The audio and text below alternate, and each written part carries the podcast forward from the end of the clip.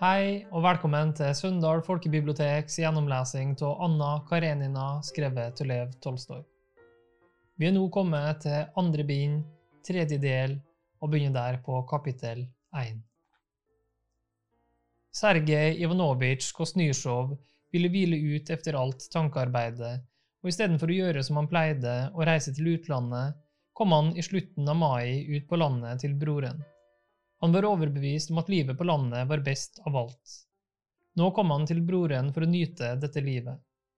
Konstantin Levin ble meget glad, særlig fordi han ikke ventet broder Nikolai mer denne sommeren. Men til tross for at Konstantin Levin satte pris på Sergej Ivanovitsj og var glad i ham, følte han det pinlig å være sammen med broren på landet. Han syntes det var pinlig, ja, rent vemmelig å se brorens forhold til landsbygden. For Konstantin Levin var landet stedet hvor han levet, hvor han gledet seg, led og arbeidet. For Sergej Ivanovitsj var landet på den ene siden hvile fra arbeidet, på den andre en nyttig motgift mot all fordervelse, og denne motgiften tok han med velbehag, vel vitende om dens kraft. For Konstantin Levin besto landsbygdens skjønnhet i at han her kunne utfolde seg i ubestridelig nyttig arbeide. For Sergej Ivanovitsj besto dens skjønnhet særlig i at han ikke behøvde å gjøre noe som helst. Dessuten var det noe i Sergej Ivanovitsjs forhold til bondealmuen som ergret Konstantin. Sergej Ivanovitsj sa at han elsket og kjente bøndene og snakket ofte med dem, noe han var riktig flink til, og av hver eneste slik samtale trakk han alminnelige slutninger som skulle vise hvor gode bøndene var, og hvor godt han kjente dem. Et slikt forhold til bøndene likte ikke Konstantin Levin. For Konstantin var bøndene bare de viktigste deltakerne i det felles arbeidet, og selv om han satte stor pris på bonden og følte en inngrodd kjærlighet til ham, den hadde han nok, sa han selv, fått inn fra bondekonen som hadde ammet ham, så var han selv en deltaker i dette felles arbeidet, og han kunne riktignok stundom bli henrykt over styrken, fromheten og rettferdigheten disse menneskene la for dagen, men andre ganger når det var andre egenskaper som trengtes i det felles arbeidet, kunne han bli rasende på disse bøndene for all uansvarligheten, sjasketheten, drikken og løgnen deres. Hvis noen spurte Konstantin Levin om han var glad i bøndene, ville han slett ikke ha visst hva han skulle svare på det. Han både var glad i og var ikke glad i bønder som i folk ellers. Som et godt menneske var han selvsagt mer glad i enn ikke glad i menneskene, og dermed også i bøndene men spesielt elske eller ikke elske bøndene kunne han ikke. For ikke bare levet han sammen med bøndene, ikke bare var alle hans interesser forbundet med bøndene, men han regnet også seg selv som en av dem, så verken i seg selv eller i bøndene særlige egenskaper eller mangler, og kunne ikke stille seg selv og bøndene opp mot hverandre. Og selv om han lenge hadde levet med bøndene like inn på livet, både som husbond, forliksdommer og først og fremst som rådgiver, Bøndene hadde tiltro til ham og gikk gjerne over 40 verst for å få råd hos ham, hadde han ingen bestemt mening om bøndene, og om noen spurte ham om han kjente bøndene, ville han komme i samme knipe som hvis man hadde spurt ham om han elsket bøndene. Å hevde at man kjente bøndene, var for ham det samme som å hevde at man kjente menneskene. Han hadde stadig øyne med seg og studerte folk av alle slag, deriblant folk som var bønder. Dem anså han for gode og interessante mennesker, oppdaget stadig vekk nye sider ved dem, forandret sine gamle meninger og gjorde seg opp nye om dem. Med Sergej Ivanovitsj var det stikk motsatt. På samme måte som han elsket og priste livet på landet i motsetning til det livet han ikke elsket, elsket han bøndene i motsetning til den klasse mennesker han ikke elsket, og på samme måte kjente han bøndene som noe stikk motsatt mennesker i sin alminnelighet. I hans metodiske hjerne formet det seg klart bestemte former for folkeliv, dels utledet av folkelivet selv, men hovedsakelig utledet av motsetningsforholdet. Han hadde aldri forandret sitt syn på bøndene og sin sympatiske innstilling til dem. Det hendte at brødrene kom i diskusjon om sine avvikende meninger om bøndene, og da gikk bestandig Sergej Ivanovitsj av med seieren, nettopp fordi han hadde definerte meninger om bøndene, deres karakter egenskaper og smak. Konstantin Levin hadde derimot ingen faste og uforanderlige oppfatninger, så i disse diskusjonene ble Konstantin alltid grepet i selvmotsigelser. Sergej Ivanovitsj syntes hans yngre bror var en kjekk kar med hjertet på rette sted, som han uttrykte det på fransk, og med en oppfatning som riktignok var rask, men som altfor lett lot seg rive med av et øyeblikks inntrykk og derfor var full av motsigelser. Med en storebrors nedlatenhet forklarte han ham undertiden tingenes betydning, men han likte aldri å diskutere med ham, for han fikk ham så altfor fort drevet til veggs. Konstantin Levin betraktet broren som en mann med en veldig forstand og lærdom, edel i ordets dypeste betydning og utrustet med evnen til å virke for det allmenne vel.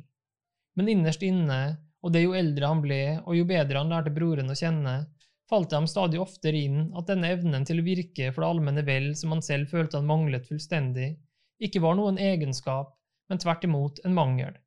Ingen mangel på god, hederlig og edel streben eller smak, men en mangel på livskraft, på det som kalles hjerte, på det begjær som tvinger mennesket til å velge en av mange mulige livsveier, og så bare ønske denne ene. Jo bedre han lærte broren å kjenne, jo oftere la han merke til at det både Sergej Ivanovitsj og mange andre gjorde for det allmenne vel, men ikke av hjertet, ble tilskrevet kjærlighet til det allmenne vel. Men så hadde de tenkt ut med forstanden at det var en god ting å beskjeftige seg med slikt, og det var den eneste grunnen til at de gjorde det. Levin ble dessuten støttet til sin formodning av nok en iakttagelse. Spørsmål som angikk allmennveldet og sjelens udødelighet, gikk slett ikke mer inn på broren enn slike som angikk sjakk eller finesser ved ny maskin. Dessuten ble Levin sjenert av å ha broren hos seg, også fordi han særlig om sommeren var opptatt med gårdsdriften hele dagen. Ja, hele den lange sommerdagen strakk ikke til for alt som skulle ordnes, men Sergej Ivanovitsj hvilte. Men enda han hvilte nå, og altså ikke arbeidet med boken sin, var han så vant til tankearbeidet at han likte å gi alt som falt ham inn, en vakker og fyndig form, og han ville gjerne at noen skulle høre på ham. Og det aller vanligste og rimeligste var at tilhøreren var broren og derfor sjenerte Konstantin seg for å la ham alene, til tross for at det var det beste og åpneste forhold mellom dem. Sergej Ivanovitsj likte å slå seg ned i gresset når solen skinte, og mens han lå slik og solte seg, pratet dovent i vei. Du aner ikke, sa han til broren, hvordan jeg nyter denne ukrainske dovenskapen, ikke en tanke i hodet hvor mye du enn bryr deg. Men Konstantin Levin syntes det var kjedelig å sitte og høre på ham, særlig fordi han visste at når han var borte, kjørte de gjødselen ut på et jorde som ikke var oppmerket, og dynget den opp, gud vet hvordan, hvis han ikke så efter. Og så skrudde de ikke jernet fast til plogen, men tok det av for så siden å komme og si at plogen er et dumt påfunn, og at den enkle arden, det var andre greier, og så videre. Men nå må du ikke gå rundt her i varmen mer, sa Sergej Ivanovitsj til ham. Nei, jeg skal bare ned på kontoret et øyeblikk, sa Levin og rømte ut på jordene.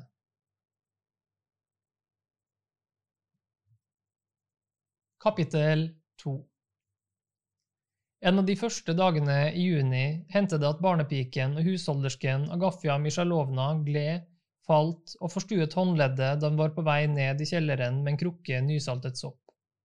Distriktslegen kom, en pratsom student som nettopp hadde fått sin eksamen. Han undersøkte hånden, sa at den ikke var godt av ledd, la på noen kompresser og ble til middag. Han nøt tydeligvis å snakke med den berømte Sergej Ivanovitsj Kosnysjov, og for riktig å stille sine opplyste tanker til skue, fortalte han ham all bygdesladderen og klaget på all elendigheten i kommunestyret. Sergej Ivanovitsj lyttet oppmerksomt, kom med spørsmål og ble så oppgivret av sin nye tilhører at den riktig kom på glid og lot falle noen treffende og fyndige bemerkninger som doktoren ærbødig forsto å sette pris på, og så kom han i den belivede stemningen broren kjente så godt, slik det gjerne gikk efter en glimrende og livlig samtale. Da legen var reist, fikk Sergej Ivanovitsj lyst til å ta fiskestangen og dra ned til elven. Han var glad i å fiske og var nesten stolt over at han kunne like en så tåpelig beskjeftigelse. Konstantin Levin, som måtte ut på pløyemarkene og engene, tilbød seg å kjøre broren i karjolen. Det var høysommer, den tid på året da avlingen alt er avgjort, da man må begynne å tenke på utsæden neste år og slåtten nærmer seg. Da rugen har skutt aks, men ennå ikke er fylt og bølger lett og grågrønn i vinden. Da den grønne havren skyter ujevnt opp mellom de gule gresstorver på de sent tilsådde markene. Da den tidlige boghveten skinner som borer og alt dekker jorden. Da brakklandet, hardtrampet av kveget og med veier som arden ikke biter på, er halvveis oppløyet og da de inntørkede gjødselhaugene dufter sammen med det honningsøte gresset, og de urørte engene står som et sammenhengende hav i dalene og venter på ljåen, bare isprengt sorte hauger av opplukede syrestengler. Det var den tiden da man kan ta seg en pust i arbeidet med jorden før innhøstingen tar til, den som hvert år vender tilbake og hvert år kaller på alle bøndenes krefter. Grøden var ypperlig, sommerdagene var klare og varme, nettene korte og duggvåte. Brødrene måtte reise gjennom skogen for å komme frem til engene. Sergej Ivanovitsj var hele tiden opptatt av skogens vakre, tette løvheng, og ville snart ha broren til å se på en gammel lind som gjorde seg rede til å blomstre, og som skinte med sine gule akselblad på den delen av treet som lå i mørk skygge, snart på de unge skuddene fra i år som glitret som smaragder. Konstantin Levin likte ikke å snakke eller høre om naturens skjønnhet. Ordene gjorde at skjønnheten gikk tapt for ham i det han så. Han jattet med broren, men begynte uvilkårlig å tenke på andre ting. Da de var kommet gjennom skogen, var han helt oppslukt av synet av brakkmarken som strakte seg oppover en bakkeskråning, og snart var dekket av gulende gress, snart hardtrampet og delt opp i ruter, snart veltet opp i hauger og snart pløyet opp. Bortover marken dro vogner i rekke og rad. Levin talte vognene, vel tilfreds med at de kjørte alt utover som trengtes, og synet av engene ledde tanken hans over på slåtten. Det var alltid noe som grep ham slik ved høyånden. Da de var kommet frem til engen, stanset Levin hesten. Morgenduggen lå fremdeles nede ved gressroten, og for å slippe å bli våt på bena, ba Sergej Ivanovitsj broren om å kjøre ham i karjolen over engen ned til den vidjebusken hvor abboren bet. Hvor mye Konstantin Levin enn kviet seg for å tråkke ned gresset sitt, kjørte han ut på engen. Det høye gresset smøg seg mykt om hjul og hover og la sine frø igjen på fuktige eker og nav. Broren satte seg under busken og ordnet med snørene. Levin førte hesten bort, tjoret den og gikk ut på engen, et blikkstille, grågrønt hav. Det silkebløte gresset med sine modnende frø rakk ham nesten til livet her på den våte engen. Konstantin Levin gikk tvers gjennom engen og kom ut på en vei hvor han traff en gammel mann med et oppsvulmet øye og en kurv med bier i hånden. Nå, har du vært ute på fangst, Fomic? spurte han. Fangst, nei, Konstantin Mitric. Jeg har nok med å passe mine egne. Nå er det andre gangen eftersvermen er fløyet fra meg, men heldigvis kom ungene hjem og sa ifra. De pløyer hos dem, de spente hesten fra og red hjem. Vel, hva sier du, Fomitsj? Skal jeg slå nå, eller vente? Ja, hva skal en si? Vi synes jo det er best å vente til pærsjokk, men de slår bestandig før, og når Gud vil, blir høye bra, og så får buskapen mer rom. Været, hvordan tror du det blir? Gud rår, kan hende det blir bra vær òg. Levin gikk til broren igjen. Sergej Ivanovitsj hadde ikke fått noe, men han kjedet seg ikke og så ut til riktig å bære i perlehumør. Levin så at han var oppspilt etter samtalen med legen og gjerne ville ha en prat. Med Levin var det imidlertid stikk motsatt. Han ville hjem så fort som mulig for å ordne med beskjed til slåttekarene om å møte neste dag, så han kunne få en ende på usikkerheten om slåtten, noe som opptok ham sterkt. Hva, skal vi dra? sa han. Hva har du slikt hastverk efter? La oss sitte litt til. Men du er jo helt gjennomvåt.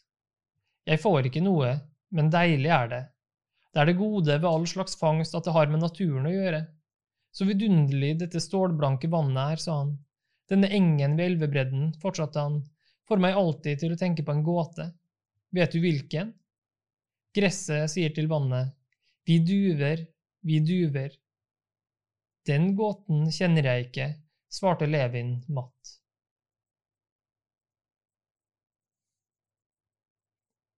Kapittel 3 Vet du hva, jeg tenkte nettopp på deg, sa Sergej Ivanovitsj.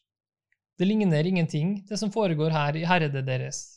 Denne legen har fortalt meg om det, det er en fyr som forstår seg på litt av hvert. Jeg har sagt det før, og jeg sier det nå igjen, jeg liker ikke at du har sluttet å gå på møtene og ellers begynt å holde deg borte fra kommunale anliggender. Hvis skikkelige mennesker skal holde seg borte, går det naturligvis Gud vet hvordan. Penger betaler vi, de går til lønninger, men skoler får vi ikke. Ikke feltskjærer, ikke jordmødre, ikke apotek, ingenting. Men jeg har jo prøvet, svarte Levin stille og motvillig. Jeg greier ikke, det er ikke noe å gjøre ved det. Ja, hva er det så du ikke greier? Det forstår jeg ærlig talt ikke. At du skulle mangle iver eller evner, skal ingen få meg til å tro. Det skulle vel aldri være dovenskap, rett og slett?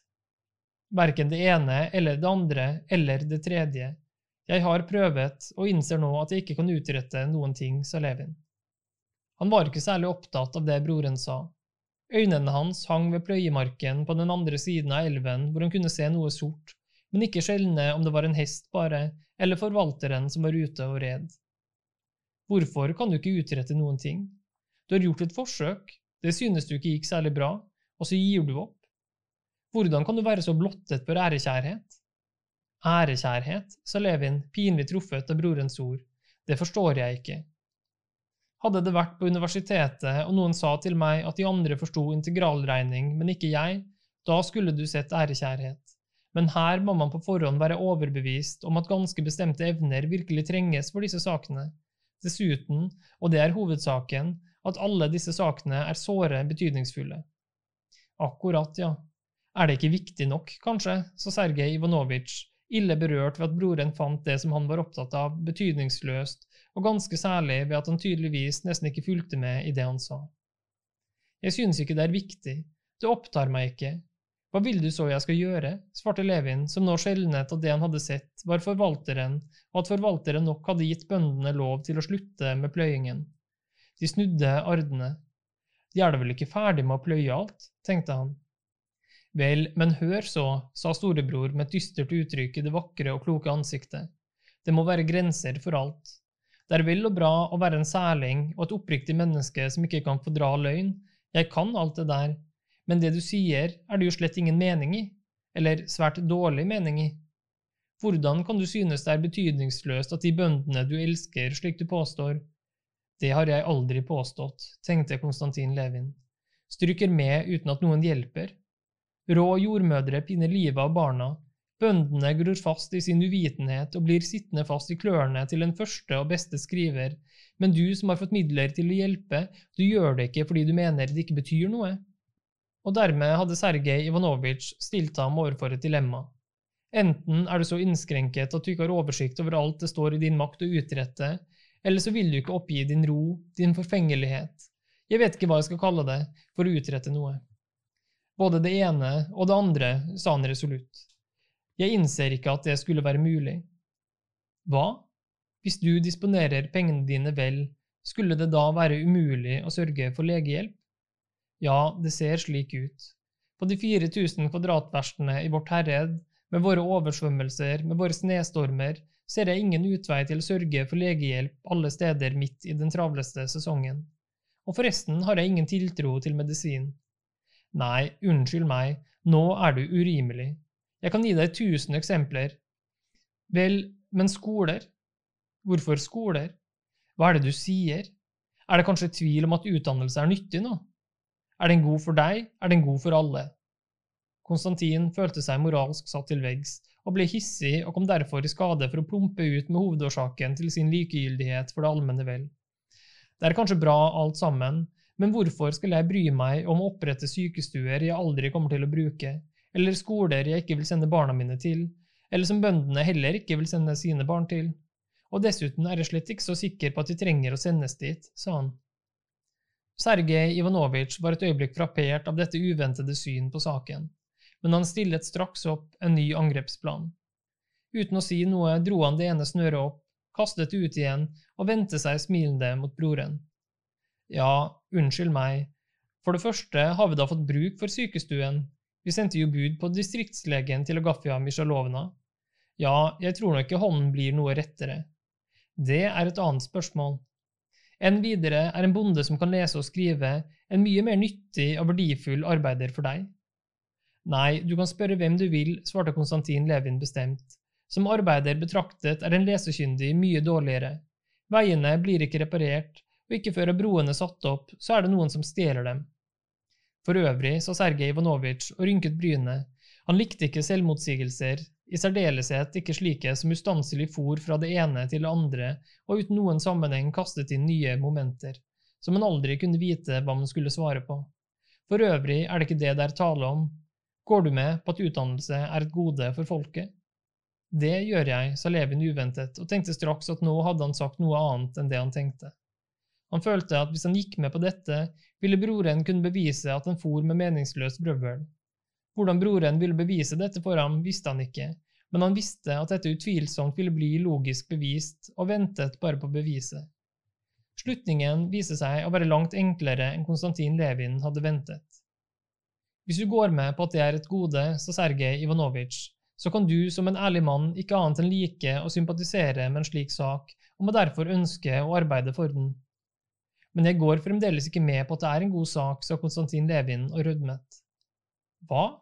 Men du sa jo nettopp det vil si at jeg verken går med på at den er god eller mulig. Det kan du ikke vite før du virkelig har forsøkt. Vel, la oss anta det, sa Levin, skjønt han slett ikke antok noe slikt. La oss anta at det er så, men jeg innser allikevel ikke hvorfor jeg skulle bekymre meg om det. Hvordan det?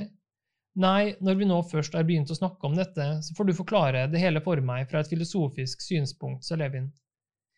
Jeg skjønner ikke hva filosofien har her å gjøre, sa Sergej Ivanovitsj i en tone som Levin syntes tydet på at broren mente han ingen rett hadde til å uttale seg om filosofi, og det ergret Levin. Jo, det skal jeg si deg, begynte han hissig. Jeg tror at når det kommer til stykket, så er drivkraften bak alle våre gjerninger den personlige lykke. I de kommunale institusjonene ser nok jeg som adelsmann noe som skulle kunne bidra til min velstand. Veiene er ikke blitt bedre og kan ikke bli det heller. Hestene mine trekker meg da på de dårlige veiene også. Leger og sykestuer trenger jeg ikke. Fredsdommer trenger jeg ikke. Jeg har aldri henvendt meg til ham, og kommer ikke til å gjøre det heller. Skolene er ikke bare unyttige for meg, de er til og med skadelige, som sagt. For meg betyr de kommunale institusjoner ganske enkelt plikt til å betale 80 kopek per desiatin, til å reise til byen, overnatte midt oppi all vegglusen, høre på alskens tøv og sjofelheter, men det er ingen personlig interesse som driver meg. Unnskyld, avbrøt Sergej Ivanovitsj med et smil, det var ingen personlig interesse som drev oss til å arbeide for livegenskapets opphevelse heller, men vi gjorde det da. Jo, avbrøt Konstantin Levenham, enda hissigere. Opphevelsen av livegenskapet var en ganske annen sak. Der fantes det en personlig interesse. Vi ville kaste av oss dette åket som tynget på alle oss bra mennesker. Men å sitte i herredsstyret, drøfte hvor mange menn renholdsverket trenger, og hvordan man skal legge vannledninger i byen, der jeg ikke bor, sitte i juryen og dømme en bonde fordi han har stjålet en skinke, sitte der i seks timer og høre på alskens brøvl som forsvarere og aktorer koker i hop, og så spør justitiarius, min gamle, enfoldige Aljosjka, erkjenner den anklagede urettmessig å ha tilegnet seg skinken? Hæ? Konstantin Levin var alt i gang med å snakke om noe ganske annet, og begynte å herme etter justitiarius og den enfoldige Aljosjka. Han mente at det hadde med saken å gjøre, alt sammen. Men Sergej Ivanovitsj trakk på skuldrene. Vel, men hva vil du så si? Jeg vil bare si at rettigheter som berører meg, mine interesser, de vil jeg alltid forsvare av all kraft.